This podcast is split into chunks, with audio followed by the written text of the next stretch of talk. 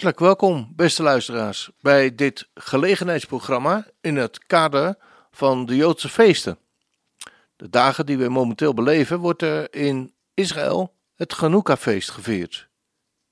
In acht dagelijkse afleveringen besteden wij aan dit lichtfeest aandacht over de oorsprong, het gedachtegoed en de betekenis van dit feest. In deze zevende aflevering denken we na over Chanukka en het wonder van Chanukka. En morgen, dag 8, de slotdag, denken wij aan het feest en willen we aandacht besteden aan Chanukka en de Messias. Maar nu het wonder van Chanukka. Chanukka is het Joodse lichtfeest en betekent inwijding. Het feest behandelt best wel een heftige thema's als antisemitisme, vervolging en moord. Eigenlijk beschrijft de geschiedenis van Chanukka de gebeurtenissen waar het Joodse volk de afgelopen 2000 jaar voortdurend mee werd geconfronteerd. Toch is het een feest waarop absoluut geen rouw mag plaatsvinden. Sterker nog, men moet blij en vrolijk zijn. En dit is natuurlijk ook een stukje van de Joodse karakter, wat hen door alle moeilijkheden heeft doen overwinnen. Wat er ook gebeurt, altijd verheugen in en hopen op God.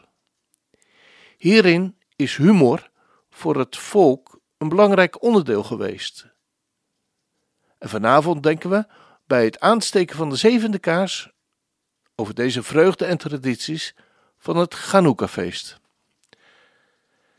Het was in het jaar 1492 dat de grote ontdekkingsreiziger Columbus Amerika ontdekte. Ondanks zijn ontdekking een regelrechte ramp voor de inheemse bevolking is geweest, gaat Columbus tot nu toe nog niet als barbaar de geschiedenisboeken in.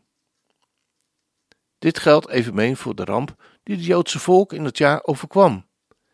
In 1492 werd namelijk alle Joden uit Spanje verdreven als ze zich niet lieten dopen. En ondanks de verschrikkelijke gevolgen die dit met zich meebracht, was het humor die deze ramp wat draaglijker maakte.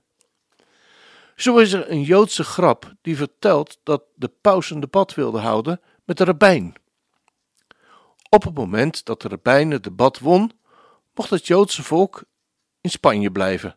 Maar als de rabbijn verloor, dan werden zij Spanje uitgedreven. Geen enkele rabbijn wilde zich hieraan branden.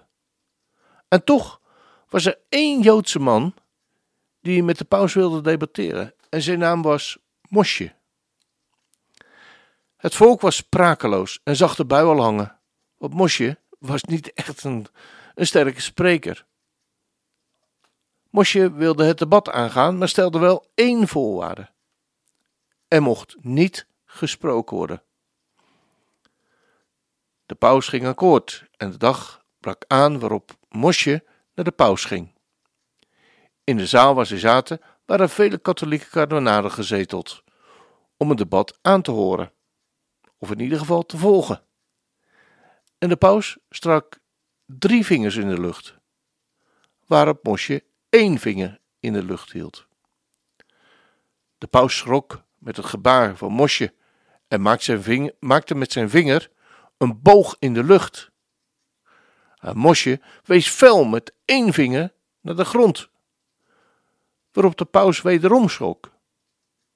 Vervolgens pakte de paus een doosje en haalde daar de attributen van de communie uit: het brood en de wijn. Maar Mosje reageerde erop met een zakje uit te pakken met een appel. De paus gaf het op en zei: Mosje, jij bent te goed, jij wint. Jullie mogen blijven. De kardinalen waren geschrokken en kwamen rondom de paus staan en vroegen hem wat er aan de hand was. En hij antwoordde: Hij was te goed, antwoordde de paus. Toen ik begon, sprak ik over de drie-eenheid: Vader, Zoon en Heilige Geest. Maar hij stak één vinger in de lucht. God is één, naar Deuteronomium 6. Toen deed ik mijn vinger in de lucht en zei: Hij vult het hele universum. Maar Mosje wist uit de grond en zei: Hij is hier, onder ons. En ik haalde vervolgens het brood en de wijn erbij, waarop hij met een appel deed herinneren aan de erfzonde. Hij is gewoon te goed, zei de paus. Maar toen Mosje was teruggekeerd, kwamen alle rabbijnen rondom hem staan. Ook zij vroegen hoe het was gegaan. Nou, zei Mosje, Mosje, het was heel makkelijk. Allereerst stak de paus drie vingers in de lucht en zei: Jullie hebben drie dagen om hier te verdwijnen. En ik stak één vinger op en zei: Geen één van ons zal hier verdwijnen. Toen maakte de paus een boog en zei: Jullie zullen deze streek verlaten. Ik wees naar de grond en zei dat we hier zouden blijven. Vervolgens viel Mosje stil. Waarop de rabbijnen hem vroegen wat er toen gebeurde. Wat er toen gebeurde, zei Mosje.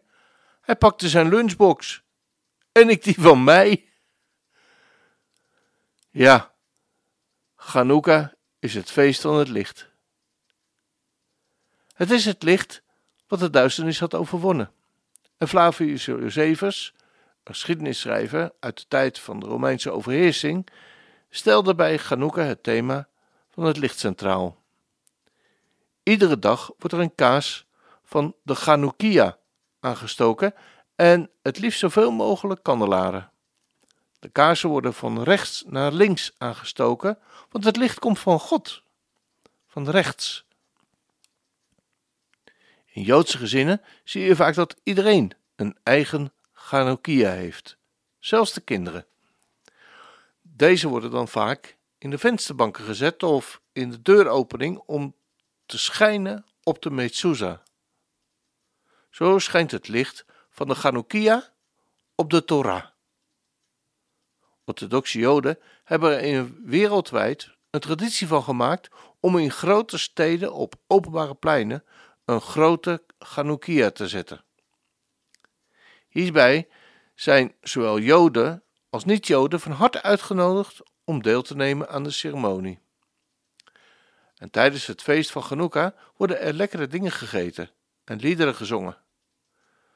Bekende gerechten zijn deze dagen de latkes, een soort appelkoekje.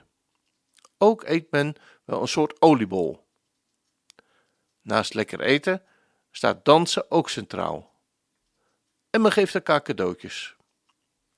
Buiten al deze gezelligheid om komt er ook veel gezongen tijdens het Chanukka-feest. En wellicht het bekendste lied is het Maos Tsur Yeshuati. Het is een prachtig lied met een mooie tekst. Burgt en rots, mijn hulp, het past u te bezingen.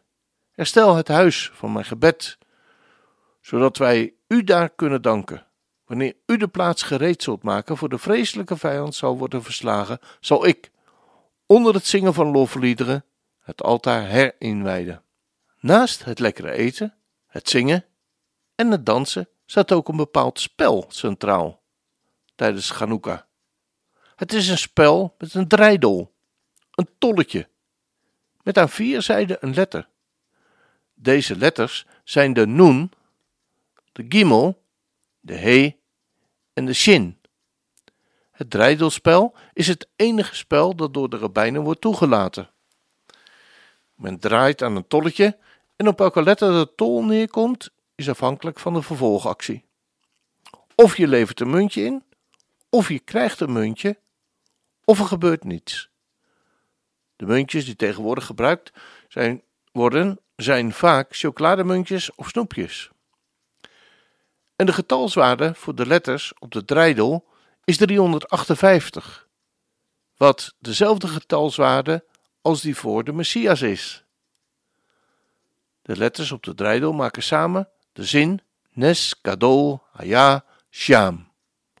Het betekent een groot wonder gebeurde daar, wat wijst op het wonder van, van Chanukka. Er is dan ook een traditie die vertelt dat toen de Joden door Antiochus moesten vluchten en in afzondering leefden, een spel ontwikkelden. Zij konden niet meer in vrijheid hun Torahrollen bestuderen en zouden om die reden toch met de dreidel in het geheim bij ze bezig kunnen zijn met het Hebreeuws. Het interessante van het dreidel is dat het niet alleen de zin, een groot wondergebeuren daar speelt, maar het ook samen de term Goshen vormt. Zoals wij kunnen lezen in Genesis 46, vers 28, was het Juda die de weg voorbereidde voor Jacob en zijn nageslacht om tijdelijk in Egypte, in Goshen, Gozen, te kunnen wonen. Dit zorgde voor een tijdelijke verlossing van de hongersnood die heerste in het land Canaan. Zo was het ook Jehuda, in het Nederlands verteld of aan Judas of Juda, Hamakabi, die de weg voorbereidde om Israël naar de verlossing te brengen.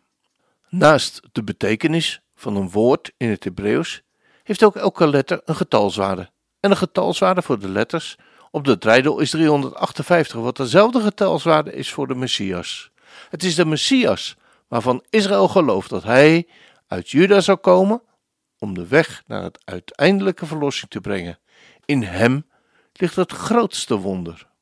Als muzikale toegift gaan we luisteren naar een versie van het lied Maos Tsur, opgevoerd door Jonina.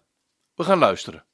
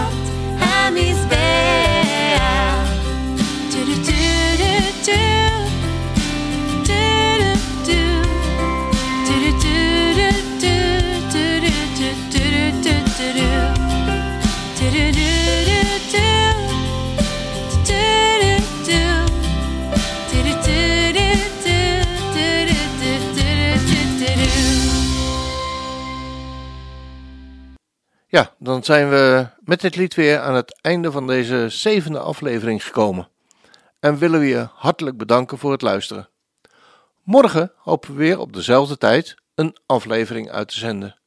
Die aflevering, de laatste aflevering, zal gaan over Chanukka en de Messias. Vanaf deze plaats wens ik je God zegen en Wie weet, tot morgen.